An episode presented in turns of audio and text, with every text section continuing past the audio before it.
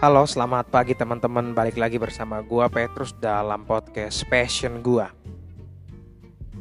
Belakangan ini gereja gua di awal tahun membahas tentang integritas. Nah, ini yang gua pengen share ke teman-teman semua supaya kita juga sama-sama belajar tentang apa sih itu integritas. Pentingnya integritas dalam kehidupan kita tuh seperti apa. Nah, sederhananya gue pengen bilang integritas itu adalah keyakinan yang kita punya nilai dan prinsip yang kita punya dan bukan cuma itu tapi kita benar-benar tunjukin dalam kehidupan kita setiap hari. Jadi ketika lu punya sifat jujur misalnya, punya sifat yang dapat dipercaya, tanggung jawab terhadap sesuatu, ya jangan buru-buru bilang lu integritas.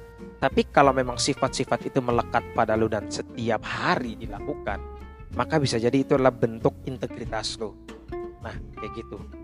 Cuman kan kita anak muda tuh kalau kita nggak bertanya sesuatu kan kayak ada yang kurang kan. Dalam artian kenapa sih gue harus berintegritas gitu kan? Pentingnya dalam hidup gue tuh apa sih dengan berintegritas? Nah gini loh, kalau kita orang yang ngaku kita orang Kristen, maka panggilan kita yang pertama kan adalah menjadi serupa dengan Tuhan kan. Nah, menjadi serupa dengan Tuhan Tuhan kita itu salah satu pribadi yang paling menonjol dari dia itu adalah Tuhan kita itu mempunyai sifat yang sangat berintegritas. Kenapa gua bilang kayak gitu? Coba deh teman-teman baca Alkitab. Teman-teman akan lihat di mana Tuhan itu berulang-ulang kali kata-katanya dapat dipercaya, menunjukkan bagaimana dia sangat bertanggung jawab terhadap umatnya dia.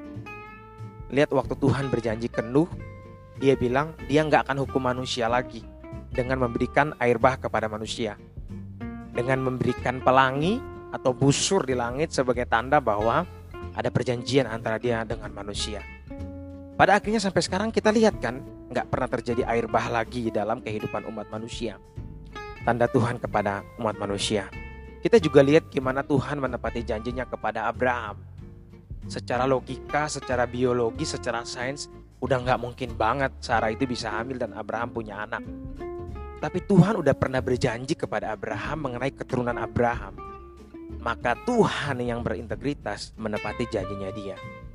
Bukan cuma itu, Yusuf, Musa dan banyak tokoh-tokoh dalam Alkitab yang berhadapan dengan Tuhan dan ketika Tuhan berjanji, itu pasti terjadi. Teman-teman bisa lihat kan dengan apa yang saya describe tentang Tuhan kita yang berintegritas, kita bisa lihat bahwa sifat Tuhan kita tuh emang integritas. Jadi ketika saya ngaku saya Kristen, teman-teman ngaku teman-teman Kristen, ya sebenarnya kita dipanggil memang untuk menjadi pribadi yang punya integritas. Nah, gimana lagi? Kira-kira apa lagi sih yang mendorong kita harus punya integritas? Teman-teman kalau perhatikan, orang yang punya integritas biasanya mendapat kepercayaan tinggi oleh Tuhan. Ini gue bukan berarti mau menjelaskan bahwa semua andil manusia ya sampai manusia itu punya kedudukan yang tinggi ya. Semua itu karena manusia, semua karena kekuatan manusia. Enggak, enggak. Gue enggak bilang kayak gitu. Yang gue bilang adalah orang yang telah menerima janji Tuhan disertai dengan integritas yang dia punya. Pada dasarnya selalu mendapat satu janji yang pasti dipati oleh Tuhan.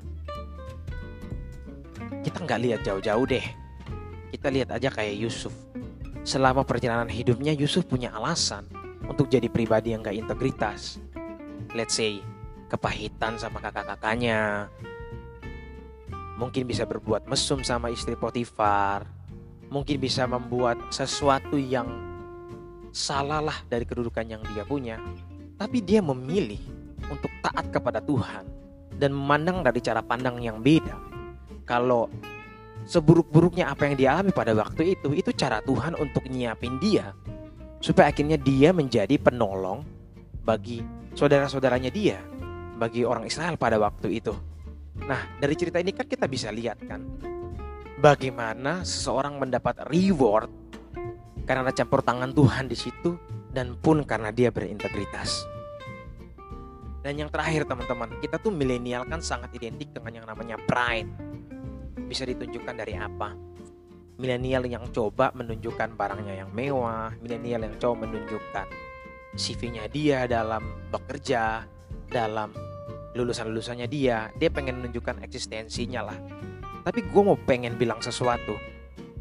Orang dipandang terhormat, orang dipandang mulia, orang dipandang hebat. Pertama-tama bukan tentang materi yang dia punya atau atribut-atribut pendidikan yang melekat pada dia. Tapi orang dipandang mulia, orang mendapat respect dari orang lain. Dipandang pertama kali dari karakter yang dia punya, nilai yang dia punya, keyakinan yang dia punya, yang kita sebut dengan satu kata simpel yaitu integritas. Gua nggak ngomong panjang-panjang, intinya itu yang gue pengen bagi ke teman-teman hari ini bahwa integritas, keyakinan yang kita punya, yang melekat dalam diri kita, nilai-nilai semua itu, dan kita tunjukkan lewat kehidupan sehari-hari. Dan kenapa kita harus punya? Karena kalau kita pengen serupa dengan Tuhan kita, integritas adalah bagian yang harus kita kerjakan dalam kehidupan kita. Kalau kita pengen menerima apa yang dijanjikan Tuhan dalam kehidupan kita, integritas menjadi satu hal utama yang mesti ada dalam kehidupan kita. Dan kalau kita pengen dihargai atau dipandang tinggi oleh siapa pun termaksud oleh Tuhan, maka kita harus menunjukkan dan melatih diri kita sebagai orang yang berintegritas. Selamat belajar dan menjadi orang berintegritas di tahun yang baru. Tuhan Yesus memberkati teman-teman. God bless you teman-teman.